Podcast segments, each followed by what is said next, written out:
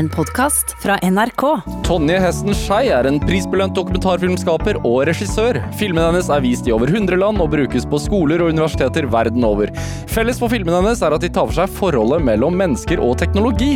Nå er hun aktuell med E-Human, en film om kunstig intelligens, og en film hun håper kan være med på å få oss til å unngå et fremtidig dystopi. Dette er Drivkraft med Vegard Larsen i NRK P2. Tonje Hesten Skei, velkommen til Drivkraft. Tusen hjertelig takk. Ja, hva du sa? Jeg sa iHuman, eller jeg sa iHuman. iHuman sa du. Altså, vi, den heter iHuman. iHuman som iPad. Ja. Ja. Eller iWatch. ja. Har vi begynt nå? Ja, nå har vi begynt. Nå er vi på lufta. Ja, så hyggelig. Eh, du, du sa rett før, eh, før vi gikk i gang her at du har vært på kurs og lært deg å synge før du skal prate offentlig eller på radio. Ja, det er faktisk veldig viktig. Du får en veldig sånn mjuk, eh, god stemme hvis du synger litt. Hvor- Hvordan kurs er det snakk om? Nei, faktisk eh, så har jeg vært på kanskje det beste kurset som jeg har opplevd i mitt liv. Um, jeg er så heldig at jeg har blitt valgt ut eh, til noe som heter Chicken and Egg Award, eh, hvor eh, seks eh, kvinnelige regissører fra hele verden har blitt valgt ut eh, til å være med i et forløp. Eh, hvor målet da er å hjelpe oss eh, til det neste steget i karrieren.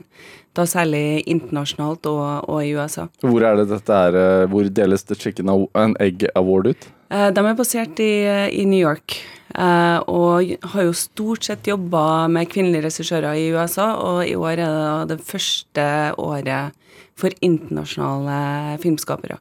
Så det er jo en kjempestor ære. Og det er de som har lært at du skal synge før du prater? Ja, altså faktisk da, så, så kom det her opp i forhold til hvordan er det du skal preppe en eh, viktig Skype-samtale eller en telefonsamtale. Og, og da så, så sa de da faktisk eh, det å synge eh, rett før en samtale gjør at du får en mye mer behagelig stemme. Og så hører du hvor behagelig jeg snakker nå. Ja, du gjør det? Det var veldig mjukt. Ja, det er faktisk veldig mykt. Ja, det var fordi at vi sang litt uh, i sted. Ja, Har du en sang du bruker å ta, eller? Nei, jeg har jo nettopp begynt med det her. Men, men altså, Tonje Hesten Skei, ehm, du uh, har laget en film om kunstig intelligens. Og da tenker jeg sånn, Fra du sto opp i, i dag ute på Nesodden uh, rett utafor Oslo her, uh, der du bor, til du kom hit, hvor, hvor mye kunstig intelligens har vært i sving for deg i, i løpet av den korte tiden? Altså, kunstig intelligens er jo overalt. Uh, vi har kunstig intelligens i telefonene våre og på nett. Og eh, nå er jo jeg en av eh, dem som faktisk har alarme, alarmen min på telefonen. Eh, og sjekker eh, ofte telefonen eh, med en gang jeg står opp. Så egentlig er det sånn fra jeg våkna og helt til jeg kommer hit, eh, så har jeg brukt kunstig intelligens. Men det, altså, det blir så abstrakt når man bare sier det er på telefonen. Altså, er- kan du være mer spesifikk? Altså, hva, hva faktisk er kunstig intelligens på telefonen din? Ja, altså Kunstig intelligens kan jo defineres som maskinintelligens. Eh, og eh, på telefonene våre så har vi masse system som er drevet av kunstig intelligens. Eh, og i dag så har vi jo blitt helt avhengig av mer og mer intelligente maskiner som hører alt vi sier og ser alt vi gjør. Og vi er jo under konstant overvåkning, da. Så Men er det sånn da at Google Maps, eksempel, som, som er karttjenesten veldig veldig mange bruker på telefonen sin, er, er, det, er det en kunst, kunstig intelligens? Ja, Ja. absolutt. Og, og selskap som Google, de, vet jo alt om oss i dag. Og de vet hvem vi er, de vet hvem vi er sammen med, de vet eh, hvor vi skal, hva vi tenker på. Så vi blir jo liksom konstant eh, trekka og analysert og kategorisert. Men, det, men det at altså, er, det, er det litt sånn at det har blitt en snikende del av hverdagen vår? Sånn at vi ikke har Ja, det vil jeg si. tenkt gjennom det egentlig nesten engang? Det vil jeg si. Altså, nå har jeg jo jobba med filmen her i, i fem år. Eh, og um, når jeg fikk ideen i 2014, så var det jo så å si ingen som snakka om eh, kunstig intelligens. Eh, og siden da så har vi jo bare surfa på en, eh, en AI-tsunami, eh, på en måte. Og det har jo vært en usynlig revolusjon som har på en måte sneket seg inn i alle mulige system uten at vi er klar over hva som skjer, og uten at vi skjønner konsekvensene av det, og uten at vi har hatt eh, en ordentlig debatt om det. Så det er jo derfor jeg har laga iHuman. Ja. Jeg, jeg tenker jo sånn for min egen del, så Med telefonen, da. Jeg liker jo det faktum at, mm, at tjenestene blir smartere. Altså at kartet veit mer om Altså at kartet blir bedre, f.eks. Uh, at det blir enklere å bruke. Og det, man kan jo tenke sånn at denne kunstige intelligensen den hjelper jo oss også i hverdagen. Absolutt. Eh, også veldig masse ting blir jo mer effektivt og mye bedre. Eh, og personlig så er jeg jo veldig, veldig eh, imponert og takknemlig for at eh, Spotify-algoritmene har begynt å skjønne liksom hvor jeg vil, og, eller helst skal bevege meg, liksom. Fordi jeg har jo lært meg utrolig masse mye mer om, eh, om musikk. Google Translate har også blitt kjempemye bedre, som, eh, som hjelper meg mye. Men er det, er det sånn, Unnskyld at jeg avbryter deg, men er det sånn at fordi Spotify sine algoritmer, da, som da har valgt ut musikk for deg, og som kanskje har gjort at du har oppdaget ny musikk, er det litt sånn at den, det har lært deg litt om deg også. Så sånn, ja, stemmer det. Du, Spotify, du kjenner meg, du vet Dette kan jeg like, liksom. Ja, absolutt. Men altså, eh, for meg faktisk en ting som, eh, som jeg har vært veldig klar over etter jeg begynte å jobbe med filmen der, er jo at jeg må jo trene opp maskinene mine, sånn at eh, de blir liksom mest mulig effektive for meg. Uh, så det er jo liksom fullstendig forbud for f.eks. For jentene mine å komme inn og begynne å spille musikken sin på telefonen min. Sant? Og det å liksom også spille sånn taffelmusikk uh, under middagen og sånn, det, det, sitter ganske langt inne. så men det jeg skulle si, altså, det er, jo, det er jo veldig masse som blir mer effektivt. Eh, og så gjør det jo også at vi eh, på en måte får et veldig mye mer sånn bedagelig liv, da. Og det er jo også farlig. Fordi eh, for de store tekstselskapene som tjener enorme penger på det her, eh, så blir vi jo kalt brukere. Og, og, da mener jeg det er utrolig viktig at vi også forstår hvordan det vil bli brukt, og hvordan vi blir manipulert. Ja. For det er jo noe som skjer konstant. Hvordan blir vi eh, manipulert, da? Nei, altså, For at vi skal da oppholde oss mer og mer på eh, tekstselskapene sine plattformer, eh, så får vi jo tilrettelagt informasjon til oss personlig. og da skapes jo det som kalles ekkokammer, hvor alt det, alt det vi får vite om verden, og alt det som kommer opp i feeden vår, er tilrettelagt oss. Eh, sånn at vi skal like mer, og at vi skal ja, bruke mer tid, da. For da får jo de vist oss mer og mer reklamer som gjør at de tjener mer og mer penger. Og når du ser liksom på hva konsekvensene av det her er, eh, så er det jo egentlig vanskeligere å finne ut hva som egentlig skjer i verden. Det er vanskeligere å forstå hva er som er sant, og hva er som ikke er sant. Eh, og så har vi jo også sett en veldig stor økning i polariseringa i samfunnet, som er ganske farlig. Men altså, er det Jeg tenker jo når jeg får en gratis tjeneste, eh, som f.eks. kart, da, som vi snakket om, som er blitt veldig, veldig bra, så tenker jeg at ja, det at eh, de Eller jeg vet ikke om jeg mener det egentlig, men, men sånn at eh, det at Google får litt data fra meg mot at jeg får det kartet, det er jo en grei byttehandel. Ja, altså akkurat når det kommer til det kartet, da, så, så, kan du jo si liksom eh, da, da, er det en, egentlig en ganske enkel byttehandel. Men la oss da si da at eh, Google da selger informasjonene om hvor du er, når du er der du er, til andre selskap. Mm. Som da plutselig ser liksom Ok, nå er du i nærheten av butikken min. Uh, her er en reklame for det du kan kjøpe til oss. Og det er jo en veldig sånn snill byttehandel. Men nå vet vi jo også at Google også samarbeider med f.eks. militære og etterretningstjenester. Eh, og da, da, forandrer jo situasjonen seg plutselig. Og det er, ikke, det er, jo ikke, bare kartet du deler dataen din med. Eh, vi mater jo alle dataene våre inn i de store tekstselskapene her konstant. Mm.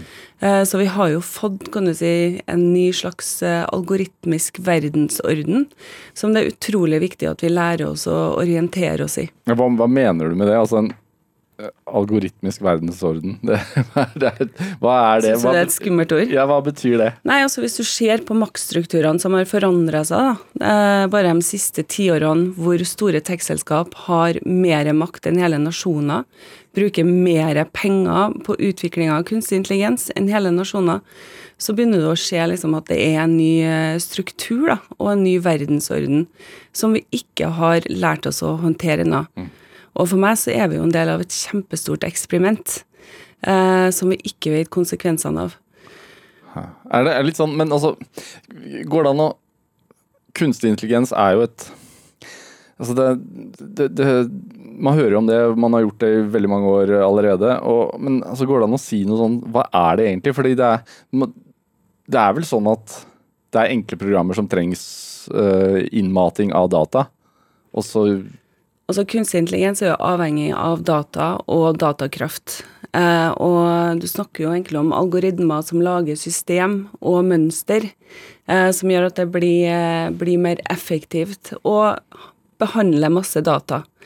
Eh, og det er jo snakk om kan du si Den kunstig intelligens som vi har i dag, er jo det som kalles small eller narrow kunstig intelligens. Ja, fordi man, Hvis man hører ordet kunstig intelligens, så intelligens, så tenker man liksom på halv 2000 fra 2001, en romodyssé. Mm. Altså en datamaskin som tenker selv, og som gjør uh, avgjørelser på egen hånd. Uh, og som du plutselig ikke kan slå av. Og som du plutselig ikke kan slå av.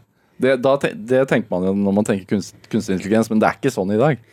Uh, ja, altså jeg vil jo si at vi har kommet mye lenger mot den retningen der enn det vi er klar over. og akkurat når det kommer til det som kalles liksom eh, stopp-knapp-problemet, så har vi jo ikke funnet ut hvordan eh, vi slår av den teknologien her.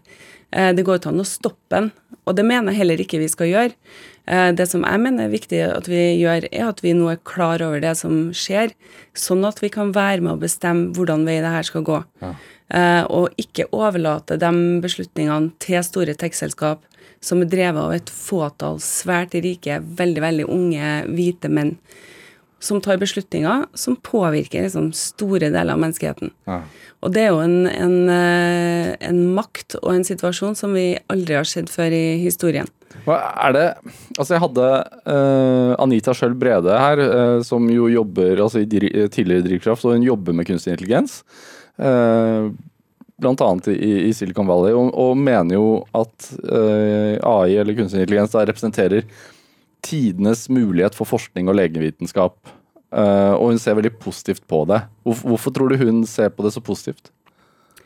Altså, det er jo masse, masse spennende muligheter med den teknologien her. Uh, og jeg er jo absolutt ikke imot kunstig intelligens. Jeg syns jo det er kjempefascinerende. Men som alle, all teknologi, uh, så er det jo viktig at vi, vi lærer oss hvordan vi skal håndtere den. Uh, og der har vi ikke kommet ennå i kunstig intelligens.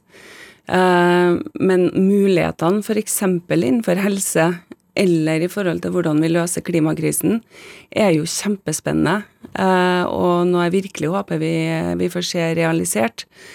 Men for meg så har vi kommet til et skille i historien hvor vi har nødt til å bestemme oss for hva er det kunstig intelligens bør brukes til, og hva er det det ikke bør brukes til. Um, og det er jo utrolig viktig at vi gjør, uh, særlig hvis vi ser på f.eks. hvordan kunstig intelligens brukes i Kina. Hvordan brukes det der? Nei, altså Kina er jo for meg kanskje det mest ekstreme tilfellet av, eller eksempelet på hvordan man kan bruke kunstig intelligens til sosial kontroll, uh, hvor de nå har satt i gang noe som heter The Social Credit System. Og her blir jo alle kineserne rangert eh, etter hvor gode borgere de er.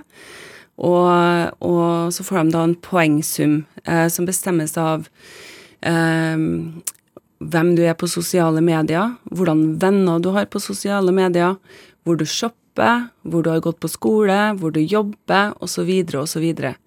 Til og med hvordan du oppfører deg ut i, eh, ut i offentligheten, f.eks. med om du går over på rødt lys.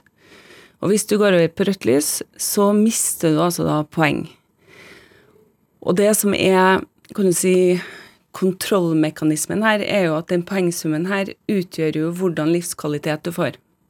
Så hvis du har en høy poengsum, så får du raskere internett. Du får lettere eh, gode jobbintervju. Du scorer kjempehøyt på dating-sites. Og du kan reise der du vil. Og du får også gunstige lån og forsikring og sånn. Men la oss si da, hvis du f.eks. har noen venner som er kritisk mot, eh, mot styresmaktene, og du har en lav poengsum, så får du saktere internett, du scorer skikkelig dårlig på datingsites, og kanskje mest viktig for meg, da, så får du også begrensa visum til å reise ut av Kina. Så det er jo veldig, veldig effektivt i forhold til hvordan du kontrollerer befolkningen. Men det er jo en overvåkningsproblematikk, tenker jeg, og ikke en Ja, men det er jo det, er jo det kunstig intelligens, altså de største bekymringene mine, går jo også mot, uh, mot uh, mulighetene som da ligger innenfor overvåkning. Mm. Dette er Drivkraft med Vegard Larsen i NRK P2.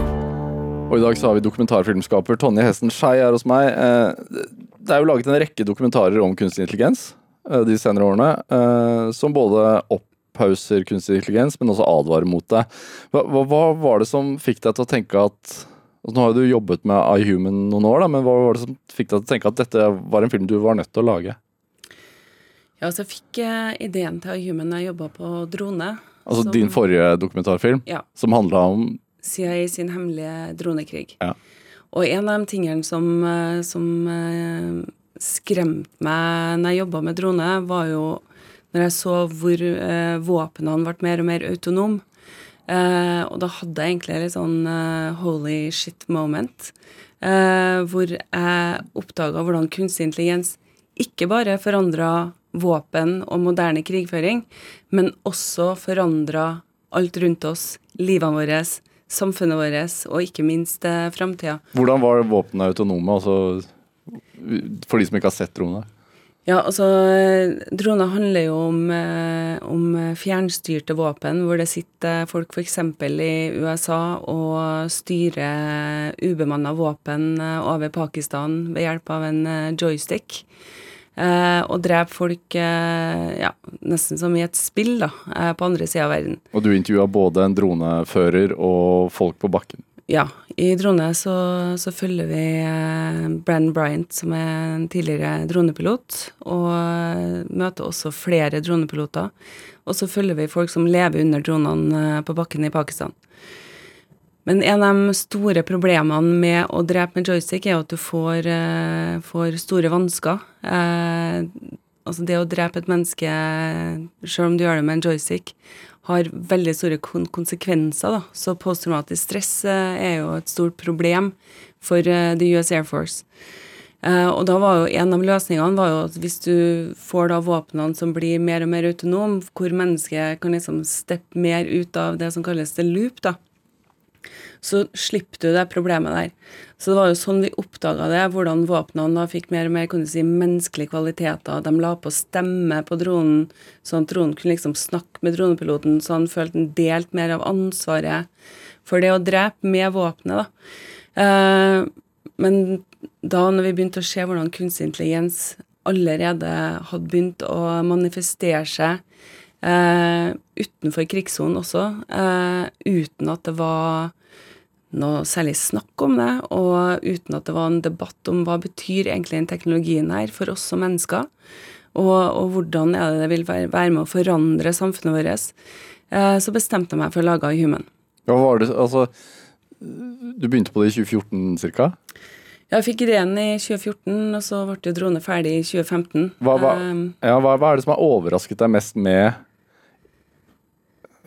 feltet når du har laget filmen? Nei, altså når jeg kom ut fra drone, så hadde jeg jo jobba opp imot CIA og US Air Force. Eh, og tenkte jo liksom åh, oh, det her blir jo bare så spennende. Nå skal jeg jobbe sammen med Google og Facebook og finne ut av hvordan eh, spørsmål de stiller seg i deres oppe. Du tenkte at dørene skulle stå åpne? Ja, jeg var liksom sånn Hei, Google, uh, let's do this. ja. uh, og kan du si altså makta og arrogansen og informasjonskontrollen som jeg møtte i de store tekstselskapene, har jo vært utrolig provoserende, men også veldig skremmende. Uh, og særlig med, med, Google i forhold til Altså, de har fullstendig informasjonskontroll på hvordan informasjon som kommer ut om hvordan de opererer. Og samme hvor vi var, om vi var liksom i en, en uh, liten dal i Sveits, eller om vi var liksom i Silicon Valley Hvis Google var i rommet, så hadde vi nødt til å sette ned kameraene. Og det er jo ganske skremmende når du tenker på at det, det selskapet her har så mye informasjon om hvem vi er, uh, og, og styrer såpass mye av informasjonsflyten om det som skjer i verden, da. Uh, så er det jo veldig skremmende for meg at de ikke er åpne om det de gjør, og ikke er ansvarlige i forhold til det de gjør, og at de opererer så å si uten et internasjonalt lovverk. Men når du uh, ikke får tilgang hos Google eller hos Facebook eller de som, er, som legger mest penger i kunstig intelligens, da, hvor, hvor fant du kilder da? Altså, i, I iHuman så følger vi noen av de fremste pionerene som ligger helt i frontlinja av å utvikle kunstig intelligens eh, på noen av verdens ledende AI-labber. Eh, både i USA og i Kina og i Europa. Eh, det å få tilgang til dem eh, tok jo utrolig masse tid. Eh, nå har jeg en ganske sånn sterk eh, på, pågangsvilje eh, og en sterk drivkraft i det jeg holder på med. Eh, så et nei er vanligvis ikke et nei. men, men Hvorfor var de skeptiske til å være med i utgangspunktet? da? Nei, altså veldig mange av de dataingeniørene som jobber med det her, er jo eh, ganske paranoide i forhold til hvordan informasjon som kommer ut Eh, rundt kunstig intelligens. For de er jo eh, helt avhengig av å få eh, masse penger og støtte til å, fortsette forskninga si. og samtidig så, så er de jo under et enormt tidspress. Så det i hele tatt liksom å knekke den koden for hvordan vi kunne bli kjent og bygge tillit, det har jo vært en spennende og krevende prosess i Human. Hvorfor har de så eller sterkt tidspress? Altså Ilja Sutskever, som er en av uh, hovedkarakterene i Human, han uh, jobber jo ja. for OpenAI, som uh, var starta av Elon Musk. og OpenAI har jo satt seg et femårsmål i forhold til å utvikle det som kalles kunstig generell intelligens. Og da har de jo innmari travelt, ikke sant. Og Elon Musk er jo også en ganske problematisk sjef. Men han er, har jo også uttalt at han er veldig skeptisk til kunstig intelligens? Ja, og så tror jeg også at han eh, gjerne vil være den første som uh, løser kunstig generell intelligens-gåta. ja, hva er forskjellen på kunstig, kunstig generell intelligens og, og kunstig intelligens? Altså, vi snakka jo litt om det i sted, om hvordan den kunstige intelligensen vi har i dag, er veldig smal. Målet til veldig mange av dem som forsker med det her, er jo å utvikle en kunstig intelligens som er like smart eller smartere enn oss mennesker. Og da har du det som kalles kunstig generell intelligens. det er den som høres skummel ut. ja. Men er det, er det, sånn at siden de som utvikler dette her, har veldig tidspress, er det og fordi at teknologien går i et sånn rasende tempo, da er det da Når man skal lage en film om det, er det en utfordring å være aktuell når filmen kommer ut? Ja, eh, og særlig Altså, vi har brukt eh, fem år på å lage den filmen her, og det har jo Så kan du si en av de tingene som, som overraska meg, også skremt meg med den produksjonen her, er jo den rasende utviklinga du har i kunstig intelligens. Altså den teknologien her utvikler seg så enormt fort. Eh, så vi har jo 80 intervju til sammen i, i, filmen, og vi måtte jo eh, ta mange av de intervjuene om igjen mot slutten av filmen. Fordi at Fordi at ting hadde forandra seg så mye. Men samtidig så, så, føler jeg liksom at vi har greid å legge oss på et uh, filosofisk uh, nivå, på en måte. Så filmen her står litt uh, mer tidløs. Også fordi at de eksemplene vi, vi tar fram, er kan du si, såpass viktige turning points, som det heter på norsk, ja. som, som, kommer til å stå i historien som jeg håper vi kan lære av. Som eksempel hva da? Nei, som eksempel eh, Cambridge Analytica, og hvordan eh, Trump vant valget ved å bruke eh, Cambridge Analytica. Og jeg mener jo helt klart at Trump ikke har kommet til å blitt valgt hvis det ikke har vært for hvordan han brukte kunstig intelligens. Ja, for å, øh, for å påvirke velgere på sosiale medier. Ja. ja. Og det, nå kommer jeg nettopp fra USA, og, og, nå ser det jo virkelig ut som han kommer til å bli valgt igjen. Og nå har han jo bygd opp et helt eh, Kan du si eh, Empire. Altså nå er jeg veldig sånn norsk-engelsk her, men imperiet. Eh, hvor Cambridge Analytica bare blir som en liten sånn skygge i bakgrunnen. Og kan du si, det maskineriet han har bygd opp nå, det har de faktisk også gitt navnet The Dark Star. Og det her, altså, du kan jo bare ikke finne på sånne ting. Det er jo, altså, det er jo helt utrolig. Det høres ut som noe fra Star Wars. Ja, ja, men det, det er jo virkelig sånn. Ja. Og det, det er jo noe som på veldig mange måter så føler jeg jo at science fiction har blitt til, til virkeligheten vår. Ja, hvis man skal holde oss i science fiction-universet, da. Altså hvis man Altså Hvis du skal beskrive liksom det verst tenkelige, eh, troverdige fremtidsscenario eh, der kunstig intelligens får bare vokse og gro uten begrensninger, hvordan ser det ut da? Wow. sånn uh, Det ble jo en det verst mulige liksom, dystopiske framtidsscenarioer.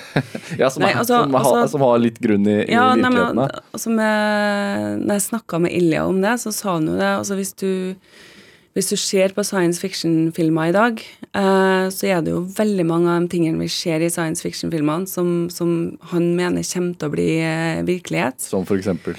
Nei, som for eksempel eh, Altså eh, Ja. Altså, eh, nå skal ikke jeg begynne å lage sånne skremmebilder, men vi ser jo altså allerede eksempel så bruker jo eh, opprørspolitiet i USA De har jo liksom sånne robotdroner som de, eh, som de eh, har tilgjengelig, eh, som kan dra ut og eh, stunte demonstranter på egen hånd, liksom. Med ansiktsgjenkjenning. Ja. Ja. Og for meg så er det kanskje det med ansiktsgjenkjenning som er noe av det som går lengst under, under huden på meg, da. Men også det i forhold til når du får kunstig intelligente system som bruker ansiktsgjenkjenning og kan tracke oss og manipulere hva vi vet om verden, så er det jo ikke så vanskelig å tenke at det her virkelig kan gå, gå feil vei. Men er det sånn Siden vi snakker litt om science fiction, altså du bruker jo sånn sjangergrep som man kjenner igjen fra science fiction i, i filmen din, i iHuman. Altså det er, da tenker jeg spesielt på musikken. Eh, litt sånn suggererende, mørk eh, musikk. Som jeg kjenner igjen fra liksom andre science fiction-filmer, sånn eh, i tonen. Ja. Og, og også grafiske elementer. Altså er, det, er det et bevisst valg at man skal liksom føle at man ser en thriller? Ja, altså jeg syns jo at, eh, at hele situasjonen her og hele tematikken er jo en slags thriller. Og så er jeg jo også personlig veldig glad i thrillerformen, og elsker jo science fiction. Eh, så du kan jo si altså viktige referanser for oss har jo vært eh, Blade Runner og Inception og Matrix, men også Koana Skatzi fra Godfrey Regio. Eh, og da får du jo en ganske herlig blanding da, som vi, vi har leka oss mye med for å sette formen eh, på i human. Men også eh, altså, lyden er jo kjempeviktig. Altså hvordan er det du gir liv til en usynlig teknologi, da. Ja. Så det, vi har jo jobba mye med å gjøre det så organisk som mulig. Og så er jeg jo veldig, veldig glad i, i bass, det må jeg jo si. Og da har jeg jo jobba med en eh, fantastisk eh, lyddesigner som heter Sølve Huse Amundsen, som bare sånn så jeg var sånn, jeg vil, Det skal være organisk, vi skal ha en følelse av vann og luft i den filmen her. Og så tar jo han og drar hjem og bare legger en mikrofon i, i badekaret og roper inn i badekaret med en sånn tube. Og det er jo da en av basslydene i filmen. Liksom. Så det, nei, vi har gått ganske sånn grundig til verks. Men, men tenker du at det er nødvendig å skremme oss litt? Altså, nå har jo ikke målet mitt vært å, å skremme, men, eh, men eh, for meg så er det jo viktig at folk kjenner liksom hva det her betyr også litt på kroppen. da. Og hvis, eh, hvis publikum går ut med liksom en følelse av bass i magen og begynner å tenke over de store utfordringene vi står overfor, da, da føler jeg at jeg har kommet et godt stykke på, på vei. Men jeg tenker sånn, Siden det er de største teknologiselskapene i verden som står bak denne eh, teknologien eller utviklingen av den, og i filmen din så beskriver du jo Facebook og Google og sånn som egentlig veldig avanserte annonseselgere. Um, som igjen da er jo da helt avhengig av oss brukere for å få kapital. Eh, og, og, og et verst tenkelig scenario vil jo kanskje gjøre oss arbeidsledige hele gjengen, fordi det er ikke bruk for oss lenger, fordi den kunstige intelligensen fikser, fikser biffen. Men, men, men det er ikke noe utvikling de heller ønsker, fordi tenker jeg, altså de store selskapene. Nei, altså om de ønsker liksom at det skal bli større arbeidsledighet, Ja. eh, det, det tror ikke jeg. Men uh, nå er det jo uh, Altså, uh, i alle mulige bransjer så snakker, om, snakker man jo om hvordan skal man løse effektiviseringa, og hvor kunstig intelligens tar over mer og mer av jobbene våre. Men én ting som har liksom uh, overraska meg mye med å snakke med liksom, uh, tech-eliten i Silicon Valley, er jo sånn Men hva altså For dem mener jo at kunstig intelligens også skal være med å løse arbeidsløsheten. eh, hvor alle sammen skal få en eh, borgerlønn, og eh, hvor livet dreier seg om noe annet enn å jobbe. Og, og for dem så er det jo sånn Altså, vi skal jo slippe å jobbe, vi skal ha mer tid. Og da er jeg sånn, ja, ok, men, men uh, hvordan, uh, hvordan skal vi da bruke tida vår? Hva er det som gir oss mening? Og da er det flere altså, av toppene her som snakker om at uh, ja, men da kan vi jo bruke uendelig med tid i den virtuelle verden. For da har jo VR kommet såpass langt, og da kan vi bare sette på oss noen briller, og så kan vi være i Amazonas-jungelen hvis vi vil. Og da ble jeg altså vi, vi må jo huske på her at vi Det er jo på en måte revenge of the nerds vi står overfor. De som sitter og programmerer inn den kunstige intelligensen som er rundt oss i verden i dag, er i høy grad eh, folk som har Eller unge gutter da, som har vokst opp bak dataskjermen sin, og som har et veldig begrensa bilde på hvordan eh, verden fungerer, og hvor kompleks verden er, og hvordan mangfold vi har ute i verden. Som igjen er med på å påvirke Ja, og så hvordan er jo fremtiden blir. Altså, jeg elsker jo San Francisco. Jeg må si det etter jeg har vært der eh, ganske mye nå de siste årene, så det er utrolig trist å se på utviklinga der, hvor problemet med hjemløse bare altså, velter ut i gata. Og du går jo liksom og tråkker over folk som ligger og, og dør på gata i San Francisco, og så tar du heisen opp da i glasshusene til tech-selskapene som har eh, hovedkontorene sine i, eh, i sentrum av San Francisco. Så da blir man jo litt sånn Ok, men kan vi løse liksom de problemene vi har her i dag, først? Og det er jo veldig viktig for meg med, med Human, er å liksom se på hvordan er det vi skal løse de utfordringene som kunstig intelligens gir oss i dag, før vi kan gå videre. Tonje Esenskei, eh, jeg ba deg ta med litt musikk. eh, og du sa at Radiohead, det liker jeg. eh, og tok med låten Lotus Flower. Hvorfor det? Altså, jeg er jo veldig, veldig glad i musikk. Eh, og Du jobber som DJ noen ganger òg, sa du. Altså, jeg jobber som DJ, jeg er en hobby-DJ. Du fortalte meg at du hadde egentlig en hemmelig drøm om å spille på en sånn mørk uh, klubb i Berlin. Ja, det hadde vært skikkelig kult. For altså, hvis jeg får lov til å liksom dra på med musikken uh, jeg helst liker å spille, som som er litt sånn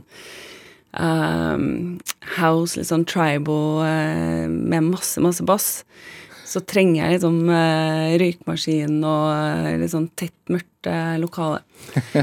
så, men foreløpig så er jeg mest eh, hobby- hobby-DJ. Ja. Men, Men ja. Lotus Flower, hvorfor den? Nei, jeg syns jo det er en veldig vakker sang, og radio, det har liksom vært en slags grunnstein for meg. Jeg syns de ofte liksom legger nye trender og er veldig sånn eh, grensesprengende i måten de skaper musikk på. Så, Så jeg har veldig masse respekt for dem. Og så er det litt filmatisk, syns jeg, Radiohead.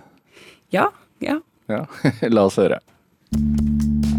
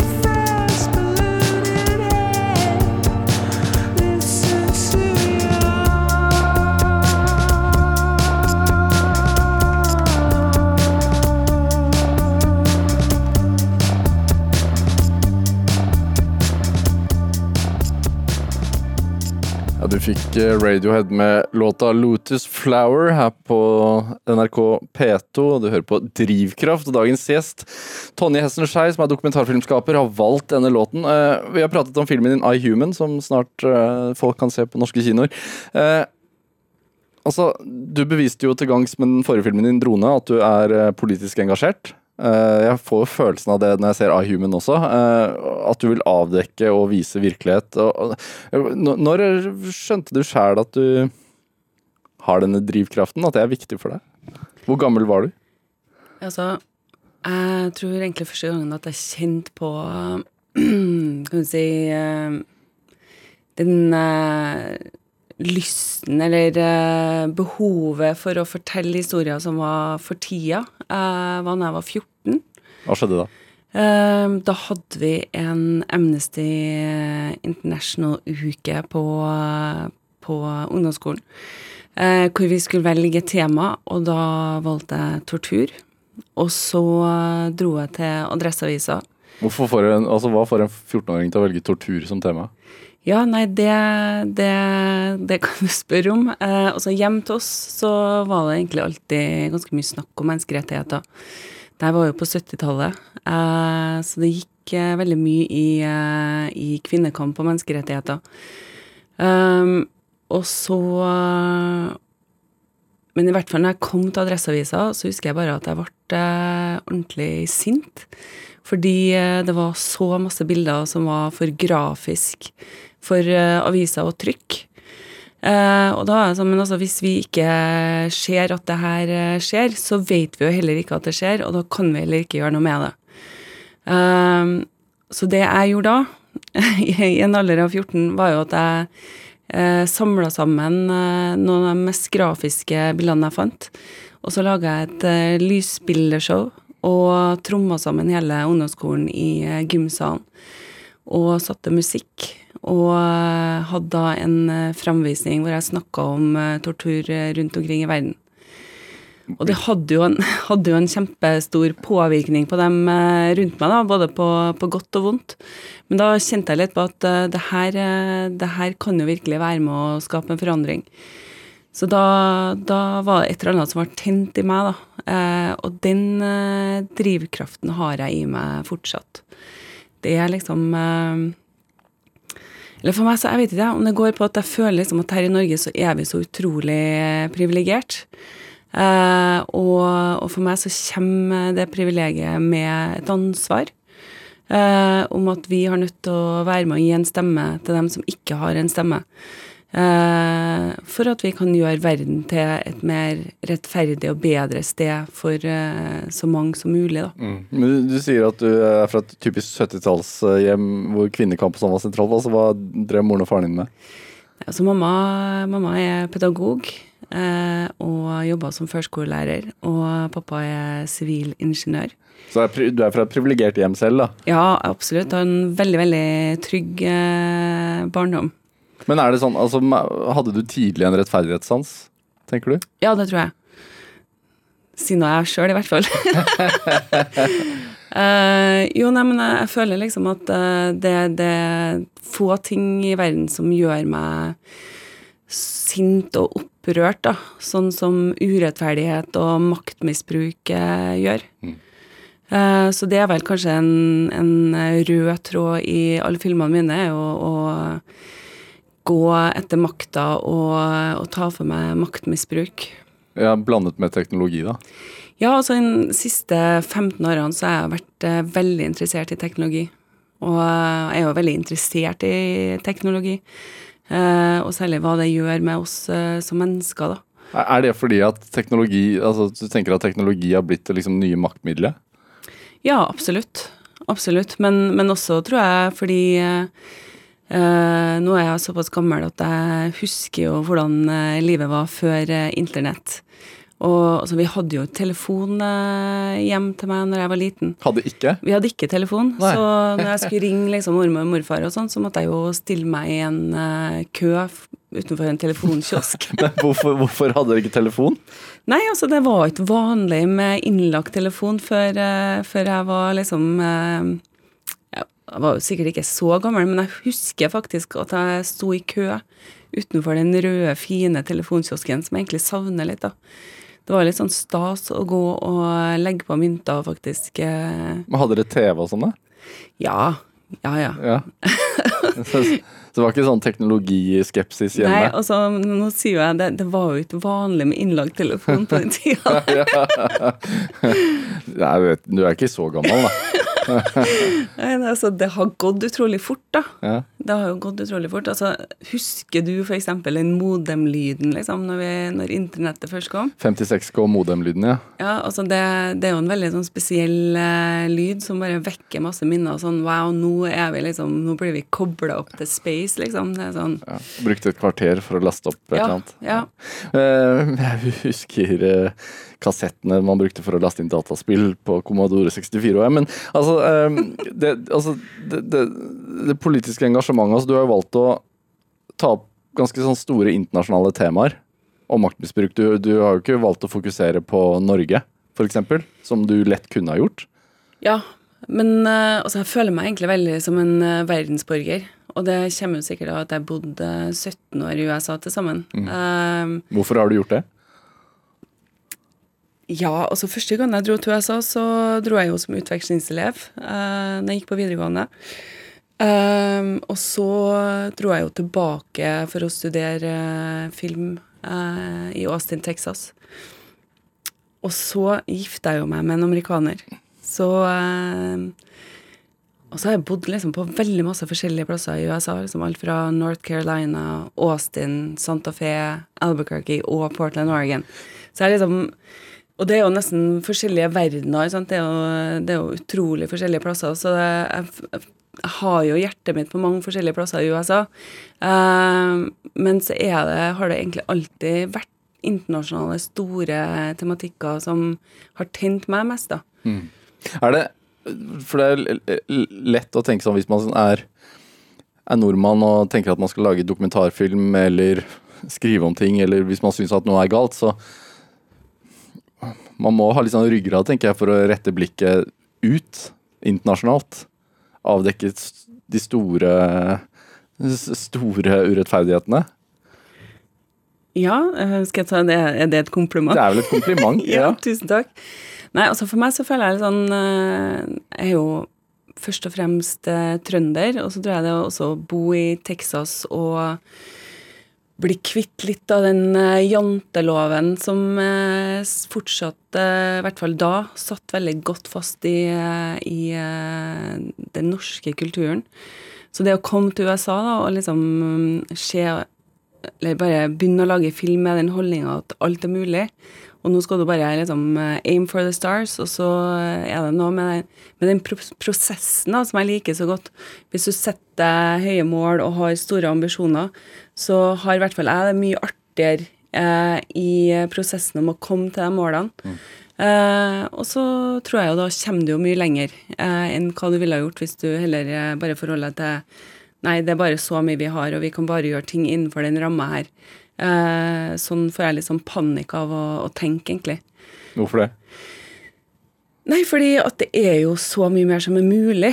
Uh, og hvis vi tenker litt større og, og tør å liksom uh, trykke på, så, så kommer vi oss mye lenger, da.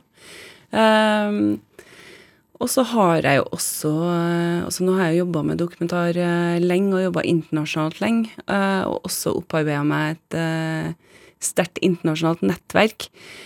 Og da er det jo mer og mer som blir mulig i forhold til å nå ut til et bredere internasjonalt eh, publikum. Må man tenke internasjonalt nesten for å overleve som dokumentarist? Altså Nå er det jo mange, mange forskjellige dokumentarister og mange forskjellige dokumentarer og eh, et sulten marked på, på mange nivå. Eh, For meg så, så har det vært vanskelig å lage internasjonale dokumentarer som kun skulle ha vært vist i Norge. Eh, Og det har heller aldri vært uh, noe mål for meg. Hvorfor hadde det vært vanskelig, da?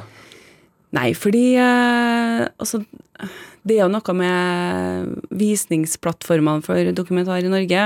Altså Hvis du skal på NRK eller TV 2, så skal det jo helst være uh, retta mot et norsk publikum med norsk innhold. Helst norske karakterer.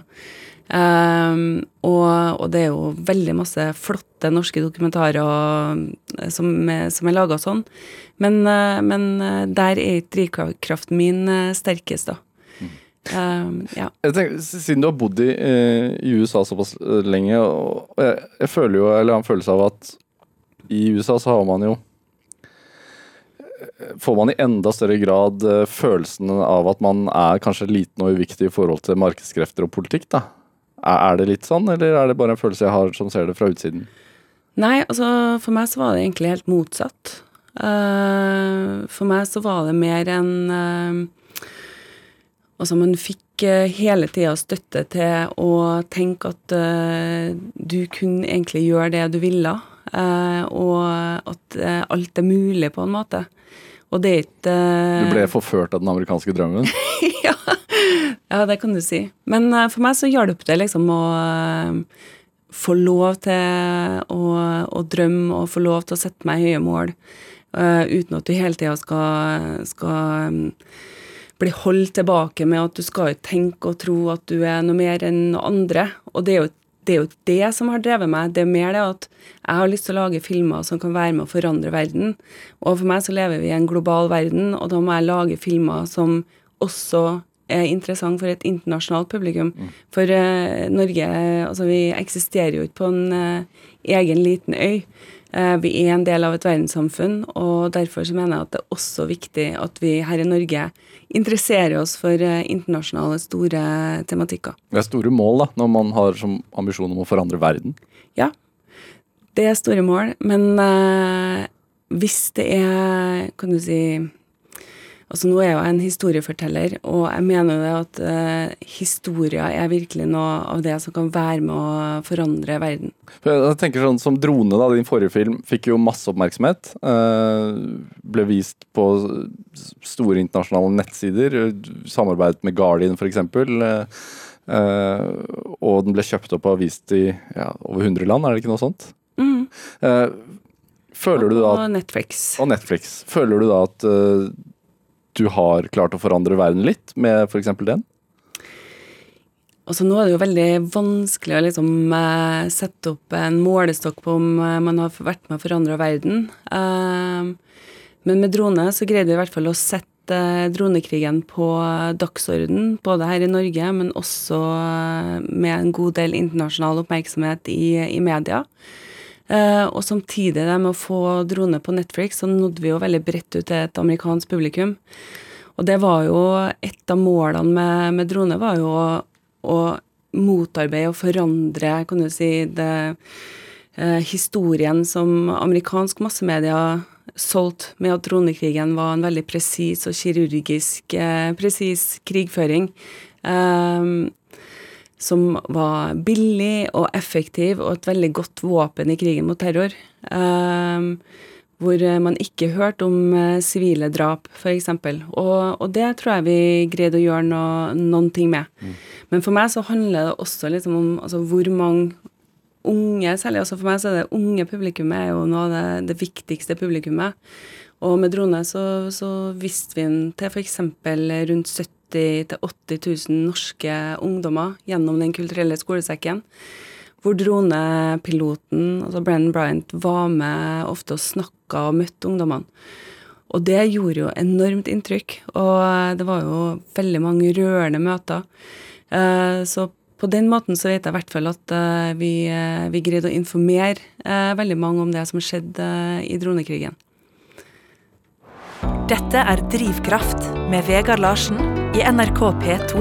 Og i dag så har vi dokumentarfilmskaper Tonje Hesten Skei her hos meg.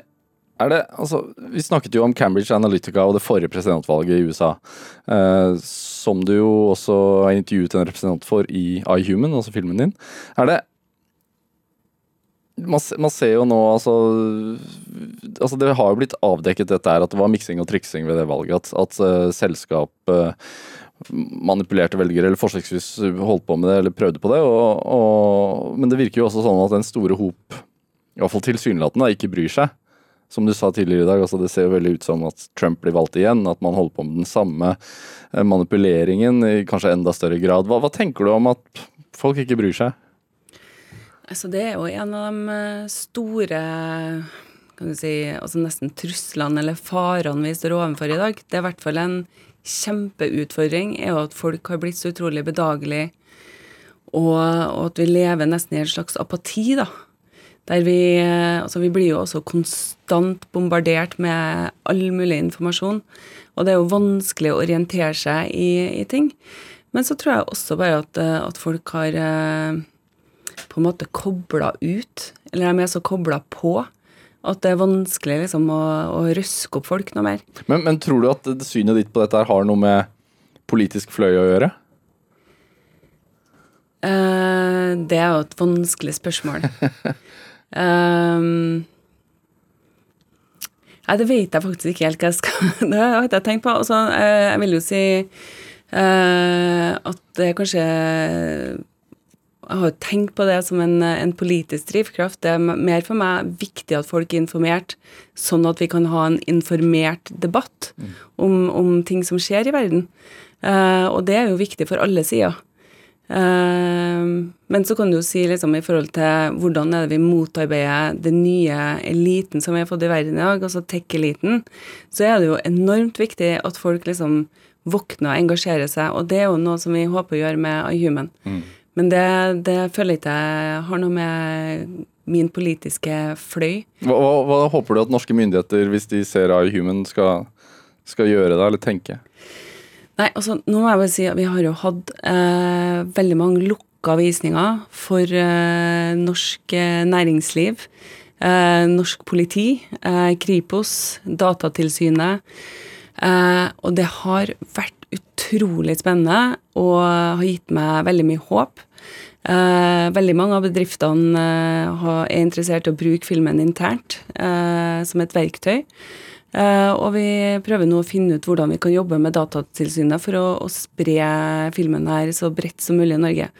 Fordi de føler jo også at filmen tar opp de utfordringene som de sitter og diskuterer til daglig. Så, så kan du si Filmen her er jo høyaktuell, og vi kunne egentlig ikke ha kommet ut på noe særlig bedre tidspunkt. da. Eh, så det har vært veldig, veldig positivt.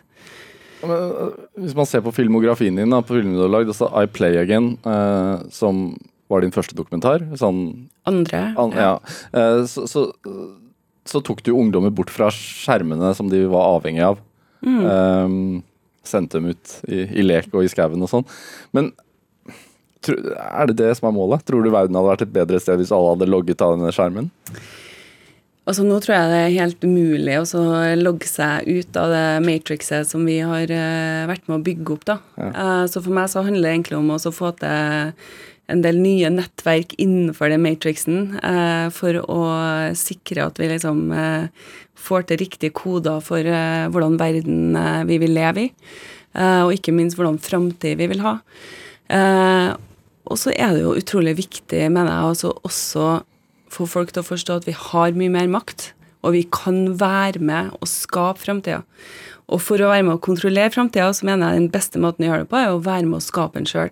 Så jeg er jo, når jeg er ute og møter ungdommer nå, så prøver jeg å liksom oppfordre særlig jentene til å gå inn i, i koding og osv. Uh, og så så for meg, liksom, i forhold til hvordan jeg overlever eh, og greier det her, så er det jo det å prøve faktisk å oppfordre folk til å legge fra seg telefonen og komme seg mer og mer ut i naturen. Tonje Hesten Skei, tusen takk for at du kom hit til Drivkraft. Hør flere samtaler i Drivkraft i NRK Radio på nett og app, eller last oss ned i din podkast-app. Jeg heter Vega Larsen, produsent i dag var Kjartan Aarsand, og Linn Bølstad bidrar også sterkt til denne sendingen. Dette var dagens Drivkraft. Ha det bra. Du har hørt en podkast fra NRK. Hør flere podkaster og din NRK-kanal i appen NRK Radio.